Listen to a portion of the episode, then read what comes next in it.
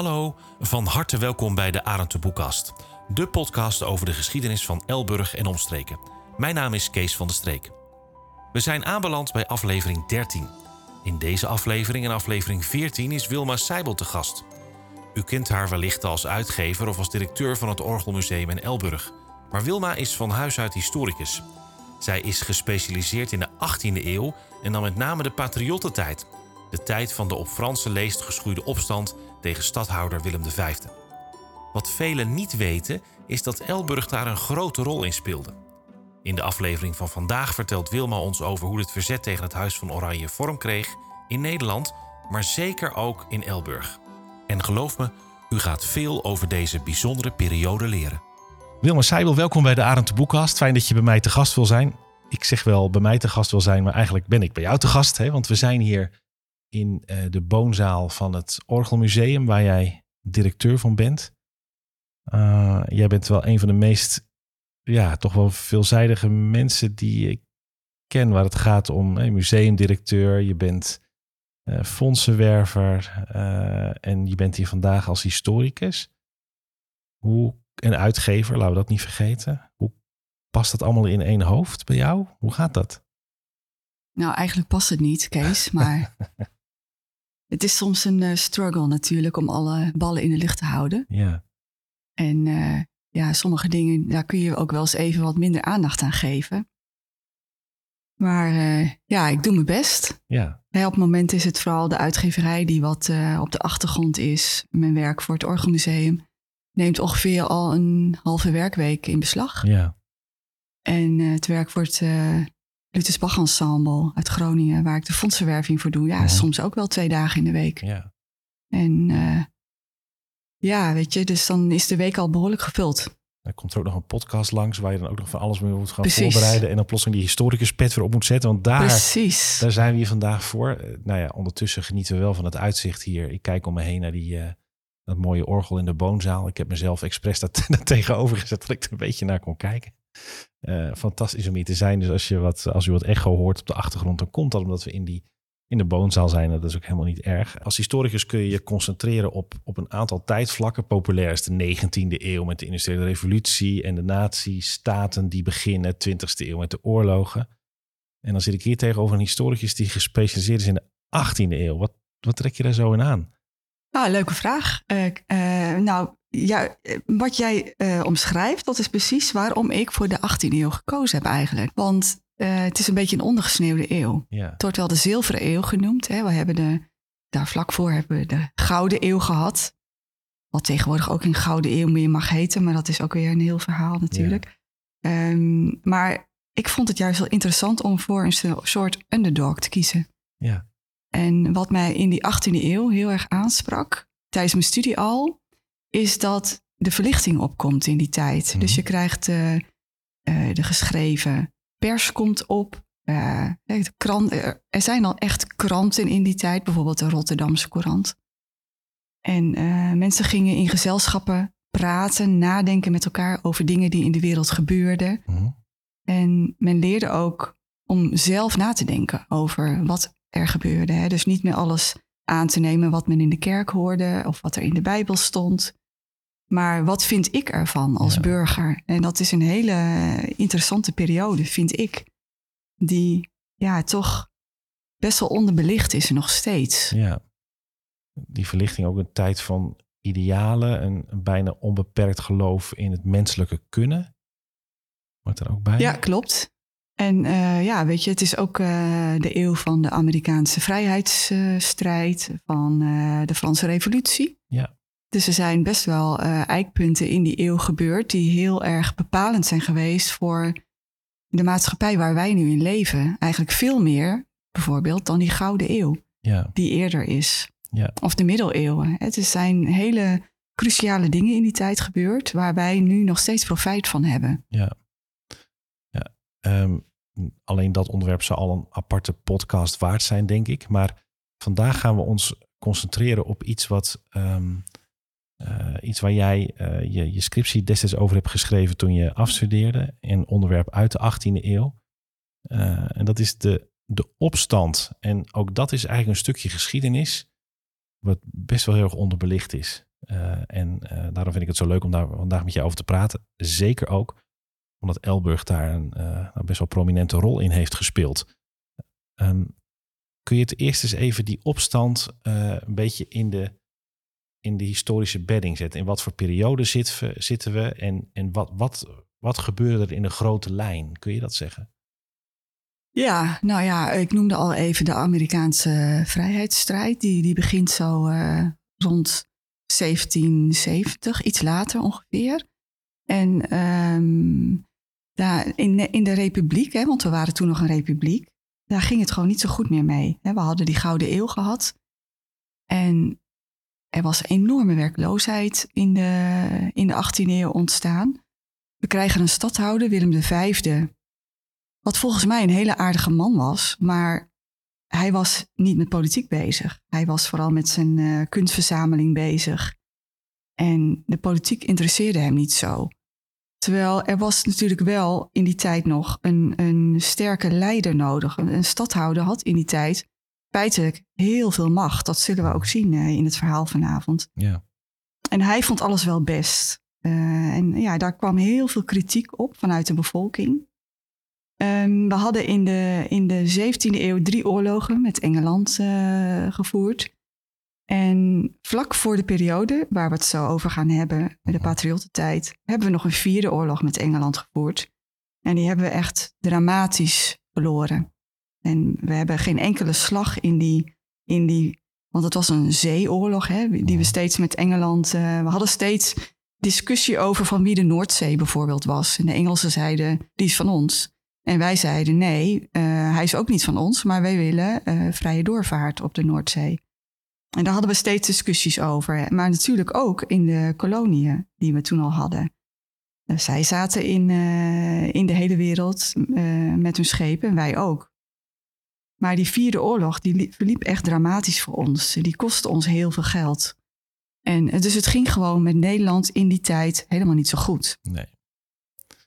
En, en bovendien dus met een, een zwakke leider, Willem V. En hoe, hoe ontstond dan dat sentiment richting die, die, die, die opstand, richting die opstand tegen die stadhouder, die Oranje Nassau's die er al zo lang zaten? Hoe kwam, hoe kwam dat?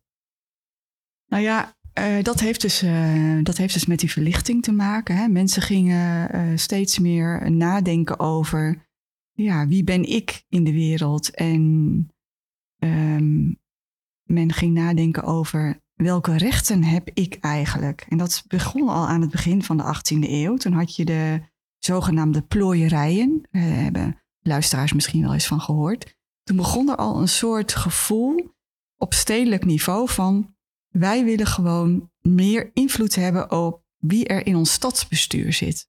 Want ja, weet je, je kunt het je nu eigenlijk niet meer voorstellen. En elke keer als ik het ook weer lees, hè, als ik met uh, de materie bezig ben, uh, een stadhouder die benoemde gewoon zelf op lokaal niveau de mensen die in het stadsbestuur zaten. En ik heb me wel eens geprobeerd voor te stellen, uh, ja, waar was die man eigenlijk mee bezig? Hoe, hoe mhm. deed hij dat? Want uh, er waren natuurlijk heel veel steden en stadjes in uh, de Republiek. En met iedereen die benoemd werd, daar had hij een stem in.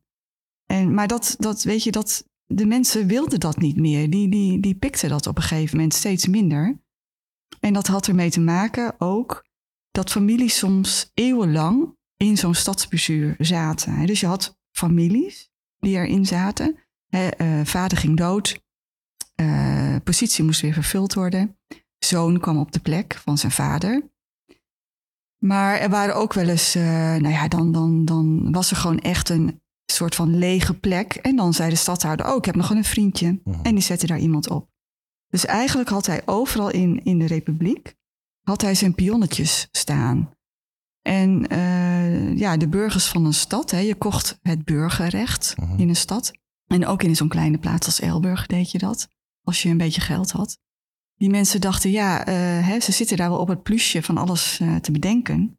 Maar wij, wij willen meedenken. Uh En daar speelt, uh, daar speelt bij dat in de oostelijke helft van de republiek had je vanaf de middeleeuwen al een heel bijzonder college. Dat noemde je de gezworen gemeente. Dat zie je alleen in de oostelijke helft van, wat wij nu Nederland noemen. Mhm. En dat was eigenlijk een soort medezeggenschapsraad vanuit de burgers, Mhm. die mee mochten denken over best wel hele serieuze dingen die in de stad gebeurden. Die, en die dachten mee met het stadsbestuur. Ja, en die, eh, hè, de- er waren bijvoorbeeld zaken als ehm, zij eh, mochten mee bepalen eh, hoe de uitgaven van de stad waren. Mhm. Wat een magistraatslid, dus een bestuurder, verdiende. En dat ging, dat ging best wel heel ver. En dat is in de middeleeuwen ontstaan en dat is eigenlijk eh, door de stadhouders is dat een beetje weggedrukt. En elke keer als er een stadhouderloos tijdperk was, hè, wat we in de, in de eeuwen na de middeleeuwen een paar keer hebben gehad, Mhm. dan kwam die gezworen gemeente weer omhoog. En wat je in de patriottentijd ziet, is dat dat ook weer omhoog kwam. En deze keer was het echt wel heel, heel serieus. Want ja, ja heel explosief werd het op een gegeven moment.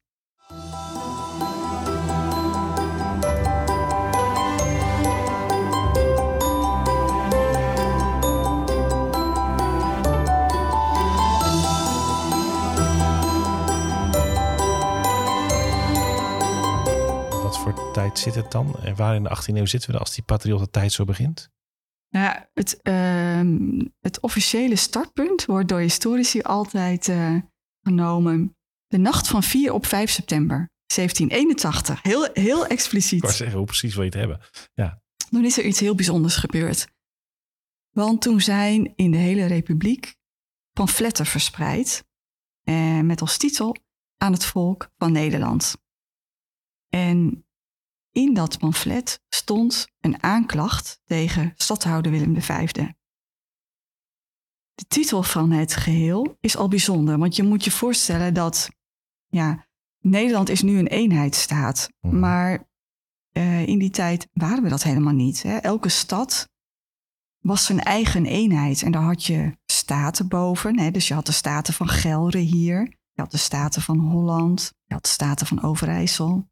Maar het waren allemaal een soort eilandjes, die Mhm. soms ook wel dingen samen deden. Hè? Dus die oorlogen, dat deden we samen, die oorlogen met Engeland. Maar heel veel dingen gebeurden op lokaal en provinciaal niveau. Hè, die titel, aan het volk van Nederland, dat suggereert al een soort van eenheid. En dat was heel bijzonder. Ja. En er staat ook in, in dat pamflet, waarde medeburgers. Hè, we, we zijn hier met z'n allen Ja. in, zeg maar. En in dat pamflet stond een eh, scherpe aanklacht dus tegen stadhouder Willem V, dat hij veel te veel macht had in de republiek en met name op stedelijk niveau. Mhm. Dus ze vonden het prima dat hij er was, maar zijn macht moest worden in- ingeperkt.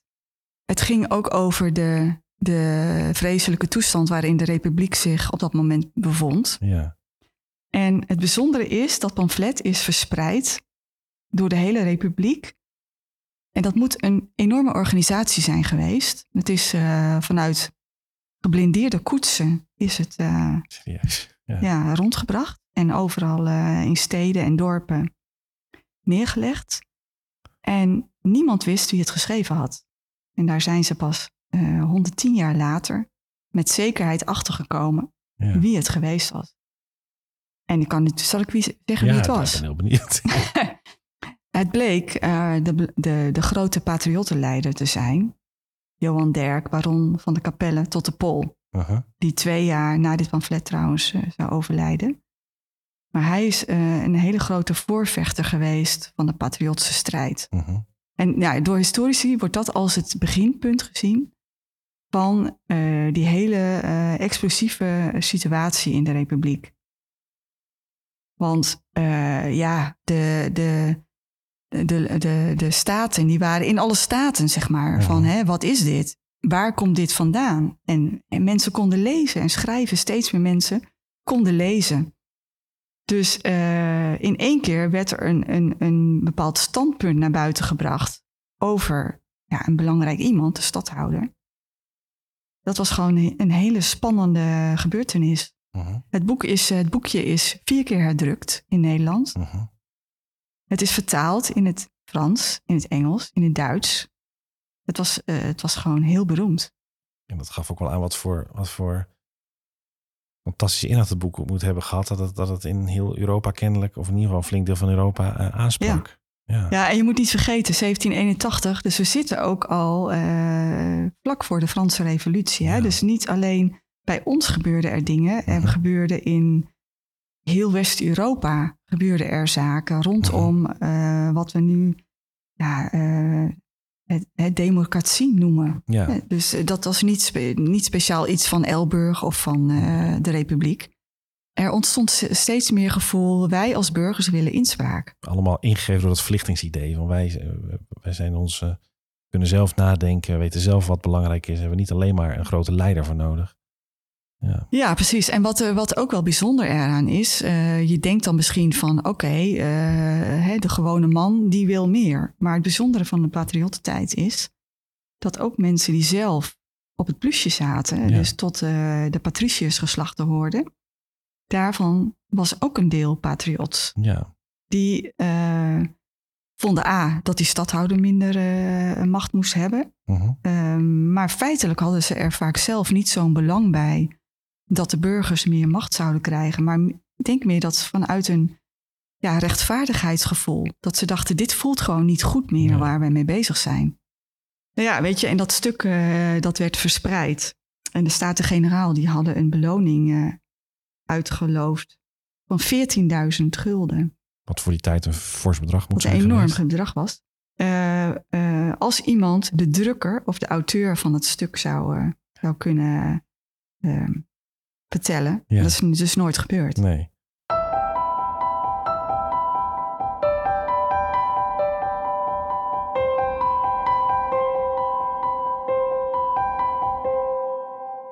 Wat je erover leest, over die, over die opstand, over die patriottentijd, is dat met name ook, daar lees je altijd Elburg en Hattem terug. En dat is opvallend, want uh, Elburg en Hattem staan zeker later bekend als, als hele getrouwe, uh, steden met een stevig protestants geloof, waar, waar eigenlijk weinig, nou ja, weinig, uh, niet heel gouden lont in het kruidvat gaat. Maar hier gebeurde dat juist wel. Punt 1, wat gebeurde er waardoor het in Elburg en Hattem dan zo groot werd? Ja, daarvoor moeten we eigenlijk uh, beginnen in uh, februari 1784. Dus dat is een paar jaar na dat verspreiden van het pamflet. Mm -hmm op dat moment, hè, want ik heb dus de, misschien moet ik dat even vertellen. Ik heb um, in de archieven in Elburg gekeken, in de stadsresoluties. Ik heb gekeken in het rechterlijk archief, waar ik ongelooflijk veel informatie uit heb gehaald. En wat ik zelf ook een van de leukste archieven vind hier in uh, Elburg. Omdat er ook, kijk, stadsresoluties zijn hele plechtig opgestelde teksten volgens een bepaalde formule. Zoals je bijvoorbeeld nu ook in een akte met een bepaald, ja. bepaalde zinnen begint of zo. Dat was, zo schreven ze toen ook. Hè? En uh, die rechterlijke archieven, daar staan gewoon uh, fantastische uh, dingen in. Als bijvoorbeeld dat ze iemand ehm, ondervragen over een bepaalde kwestie. En dan letterlijk opschreven wat die persoon vertelde. Soms in oud-Veluws dialect. Echt? Gewoon, het is gewoon heerlijk om te lezen. Ja. Uh, daarnaast heb ik gekeken in uh, Arnhem, in het archief. Vooral in het archief van uh, Robert Jasper, baron van de Kapellen tot de Pol. Dat was een jongere broer van. Hoe zeg die naam? Waar zijn we eerder tegen? Ja, dat was een jongere broer van de schrijver van het pamflet. En die Robert Jasper, die heeft eigenlijk een beetje de rol van zijn broer overgenomen in Gelre. Die was in Gelre een hele belangrijke edele uh -huh. rondom de patriotten. En hij heeft ook in Elburg een rol gespeeld. En daarnaast uh, mocht ik van toen nog koningin Beatrix onderzoek doen in het uh, huisarchief van de koninklijke familie in Den Haag. Dat is in uh, Paleis Noordeinde gevestigd.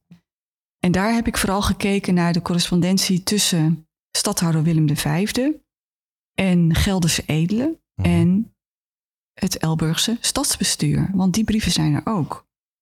Hij heeft gewoon geschreven met mensen hier. Het is gewoon, hè, dat, dat is weer dat ongelofelijke. Dat kun je toch nu niet meer voorstellen. Dat Willem-Alexander zou schrijven hier met de burgemeester uh, Jan Nathan Roosendaal over iets of zo. Dat is gewoon, ja, dat is gewoon zo anders uh, geworden. Maar toen gebeurde dat echt.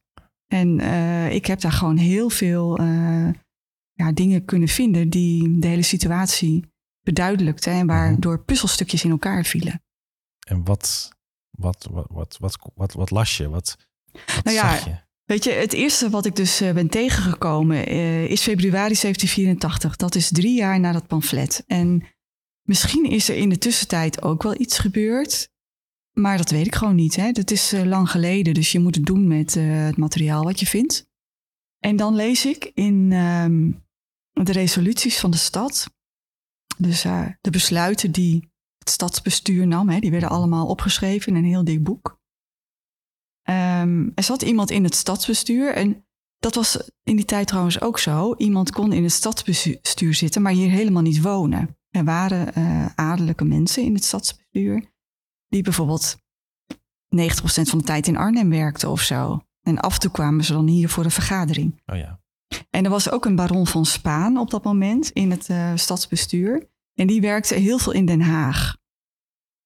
En hij schrijft dan aan het stadsbestuur: Ik wil graag komen voor de vergadering. Maar ehm, ik kan nu niet. Dus kunnen we die over een paar weekjes doen. Want er speelde iets hier ter plekke waar hij graag bij wilde zijn.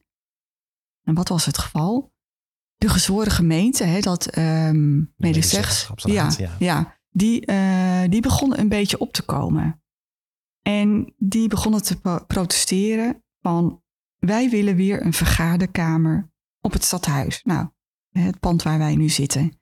Ja. Ik loop hier wel eens door het gebouw. En eh, dan denk ik wel eens, eh, waar zou die kamer nou geweest zijn? Ja. Maar goed, in die tijd was het gebouw wat anders ingedeeld dan nu. Maar zij hadden dus gewoon een eigen ruimte op het stadhuis om te vergaderen. Er zaten altijd twaalf mensen in. En dat noemde je gemeensmannen. Mhm. Zes waren burgers, dus met een burgerrecht. En zes mannen uit de gildes. En ehm, nou ja, goed, in, de, in die 18e eeuw, dan komt dat een beetje in het slop. Dat, kon, dat deden die eh, stadhouders dus. Hè? Want ook dit soort mensen werden door de stadhouders benoemd. Ja. Maar op een gegeven moment deden ze dat niet meer zo. Weet je wel, dan ging er overleed er één of zo. Mhm. En dan werd hij gewoon niet vervangen. Dus dat werd een beetje een eh, ja, armzalig eh, gebeuren. Mhm. Maar, eh, En, en die, die burgers die gaan dan zeggen, ja, hoor eens even. Wij willen dat dat lichaam weer gaat functioneren. Wij willen die kamer terug. We willen weer dat als er iemand komt te overlijden, dat het wordt aangevuld. En dan schrijft die van Spaan, die zal ik even voorlezen. Ja, ja. Die schrijft dan aan de stadhouder. Gisteren ben ik derwaarts teruggekomen en de gezwevende geschillen aldaar waren alleen huishoudelijk. Ik durf u door luchtige hoogheid, dus de stadhouder, personeel verzekeren dat niet tegenstaande wat naar nieuwigheid of verandering haakt, weinig toegang in de stad zal vinden en dat het mij niet moeilijk zal zijn de minste vonk te blussen. Toen dacht ik meteen, aha, er is dus wel iets aan de hand, Ja. want hij heeft het over nieuwigheid, verandering, vonken blussen. ja, maar duidelijk is dat hij het ook een beetje bagatelliseert. Van ik los dat wel even voor Ik- je op. Precies, ik los Ja. het wel even op, hè, niet zenuwachtig worden. Misschien was dat op dat moment ook wel zo. Gedurende een jaar gebeurt er heel weinig. Een jaar later, in 1785 namelijk, eh, kom ik tegen dat de burgerschutterij opnieuw leven wordt ingeblazen. Dat was ook een, een dingetje van die patriotten. Die wilden overal eh, dat burgers zich weer gingen bewapenen, want dan kon je jezelf verdedigen tegen gevaar. Dat gebeurde trouwens dan wel altijd onder toezicht van de magistraat. Ook in Elburg was dat zo. Dus het was niet zomaar eh, eh, wat mannetjes die dan wat gingen doen of zo. Nee, de magistraat was erbij betrokken. Vaak zat er ook een eh, kapitein op die ook in de magistraat zat. Ja, dus het was nog een beetje, ja, hoe zeg je dat? Het liep nog een beetje in elkaar over. Die burgerschutterij was een beetje een rebels iets. En tegelijkertijd zat het nog een beetje in de oude regeltjes, systemen. Hè? Mhm. En nou ja, dat was in Elburg eh, zo'n succes dat er meteen twee compagnieën, compagnieën konden worden ingesteld. Er waren er gewoon heel veel mannen die mee wilden doen. Dus ze gingen eh, oefenen op de Middelbrug. En eh, er is in het archief bijvoorbeeld ook een reglement te vinden. En ze moesten zich aan allerlei dingen houden die ze wel of niet eh, mochten doen. En er staat ook in wat ze aan moesten, hè, welke kleur broek of zo. En ja, ik denk dat ze hadden natuurlijk een beetje ongeregeld hebben uitgezien. Iedereen had natuurlijk maar iets Ja. uit de kast getrokken, zeg maar, eh, wat een beetje paste. Maar ze gingen echt eh exerceren met elkaar en exercities houden. En ja, of ze ook schietoefeningen en zo deden, dat weet ik allemaal niet. Maar ik stel me voor dat het redelijk knullig allemaal ging. Ja. Maar, ehm, en het was ook zo dat, ehm, ja, ook jongens van 17, 18, 19 jaar, die vonden het prachtig. En die deden mee. Er was wel eens wat met drank en, en weet je, het was soms ook een beetje, het waren niet allemaal... eh, Een beetje eh, studenticoos. een je beetje studenticoos. Ja. Ja. er werd wel eens wat in een gelachkamer in elkaar ge- ge- geslagen en Ja, zo. ja. Dat vond ik dan weer bijvoorbeeld in het rechterlijk archief. En, wat, wat, en, en hoe ging dat dan verder? Ze gingen oefenen. Ze gingen soms ook even laten zien dat ze echt wel spierkracht hadden door eens een gelachkamer te lijf te gaan. Maar wat, wat wilden ze? Wat, wat was hun doel? Ja, nou ja, weet je, eh, zij waren onderdeel van die hele eh, patriottenbeweging. En ehm, een aantal van hen waren ook wel politiek betrokken. Maar ik denk toch ook wel dat, dat, dat het een beetje een soort tijdverdrijf was voor heel veel eh jongelui, weet je. Ehm, kijk, die patriotten die, eh, vanuit Elburg, die gaan steeds meer zich actief opstellen, merk je Mhm. op een gegeven moment. Kijk, er was eh, in, in, in eh, Gelre had je zogenaamde landdagen. Die waren vaak twee keer per jaar. De ene keer in Nijmegen, de andere keer in Arnhem. En dat was zeg maar een, ja, een algemene vergadering van de steden in Gelre Mhm. en van de ridders. En Elburg ging daar ook altijd naartoe en wij hadden één stem. Dat betekende, elke stad had één stem. Dat betekende dus dat je eerst lokaal in jouw bestuur met elkaar moest afspreken. Wat gaan wij zeggen in Ja. Arnhem of in Nijmegen? En eh, dat, je ziet in die periode dat dat steeds, nou ja, goed, dat dat steeds eh, ingewikkelder wordt. Want in de magistraat waren patriotten, maar in de magistraat zaten ook oranjegezinden, zoals je dat noemde. Ja. Dus de, de aanhangers van de prins. En dat kwam daar samen in die Gelderse landdag. Er zaten diverse stromingen door elkaar heen. Ja, kijk, het, het, het was zo, en dat ben ik dus ook een paar keer tegengekomen. Als eh, stadsbestuur bracht je één stem uit. En jij moest dan soms die stem gaan uitbrengen als magistraatslid, terwijl jij het eigenlijk niet mee eens was. Mhm. Dat was eigenlijk al heel democratisch, hè? Ja. Dus jij moest dan eh, zeggen van nou, eh, ik ben voor of tegen, terwijl je persoonlijk misschien een andere, een Ja. andere mening had. Dat, dat zag, zag je in Elburg ook wel. Mhm. Hè, dat soms zo'n ehm magistraatslid zegt, ja, maar ik, ik ben het hier niet mee eens. Maar ja, je moet toch de stadstem uitbrengen. Ja. Hè, dus dan gingen ze daar een eh, week naartoe of zo. En dan kwamen ze terug en dan moesten ze verslag uitbrengen. Op een gegeven moment is er zo'n eh, landdag. En dan eh, zie je dat 82 Elburgers een verzoek indienen over het feit dat die stadhouder minder macht moest eh, hebben. En dat ze hun olde burgerrechten terug wilden. Mhm. Nou, 82 Elburgers, dat is best wel heel veel. Hè? Mhm. En het grappige is dat ik ontdekte dat Herman Willem Daendels, de beroemde patriottenleider uit Hattem, hierbij betrokken is geweest. Hij is namelijk in dat jaar met Pasen een keer heel stiekem hier naartoe gekomen. En toen heeft hij een voorstel hieromtrent voorgelezen. Mhm. Dat is s'nachts gebeurd, of in het donker in ieder geval. Want er staat in de stukken dat een van de aanwezigen heeft op dat moment een lamp voor, voor hem vastgehouden, zodat hij het voor kon lezen. Ja. Hè? Dus het is s s'avonds of in het donker gebeurd. Maar dan zie je dus ook dat die steden eh, onderling wel contacten hadden hè, over dit soort zaken. Dus dat Mhm. is heel interessant. Kijk, dat zijn van die hele kleine snippertjes die je Ja. tegenkomt, waardoor je weet, oké, er was dus contact Ja. met Hattem hierover. Ja. Het, het grappige is ook, want ik heb dat eh, verzoek gezien in het archief, Dat verzoek van die 82 Elburgers. dat ongeveer twee derde van die mensen konden niet schrijven. Dus er staan allemaal kruisjes onder. En later is er ook een onderzoek geweest vanuit, eh, vanuit de raad hier. Want de raad hier was op dat moment nog overwegend voor de stadhouder. Ze wilden weten, eh, waar komt dit vandaan? Ja. En ze hebben de mensen ondervraagd. Ook waarom heb je dit getekend? En dan zeggen een aantal mensen ook van... ja, ik heb het gedaan omdat uh, mijn buren het ook deden. Oh ja. Weet je wel? Dus in, in, hoeverre mensen ook altijd echt helemaal voor die zaak gingen. Ja. Waren ook een beetje, ja, je deed een beetje mee met elkaar of zo. Hè? Ja. Tot zover aflevering 13. En ja, die eindigt met een echte cliffhanger. Want u voelt wel aankomen dat Elburg veel te wachten staat nu het zich tegen het oranje gezag keert. Wilma Seibel gaat het in aflevering 14 uit de doeken doen. En die aflevering klinkt als een soort audioboek van een avonturenroman. Heb ik u nieuwsgierig gemaakt? Dat is precies de bedoeling. Aflevering 14 volgt snel. Wilt u reageren op deze podcast? Doe het dan via de Facebookpagina van Arend Boekop of mail naar podcast.arendteboekop.nl. Bedankt voor het luisteren. Tot gauw!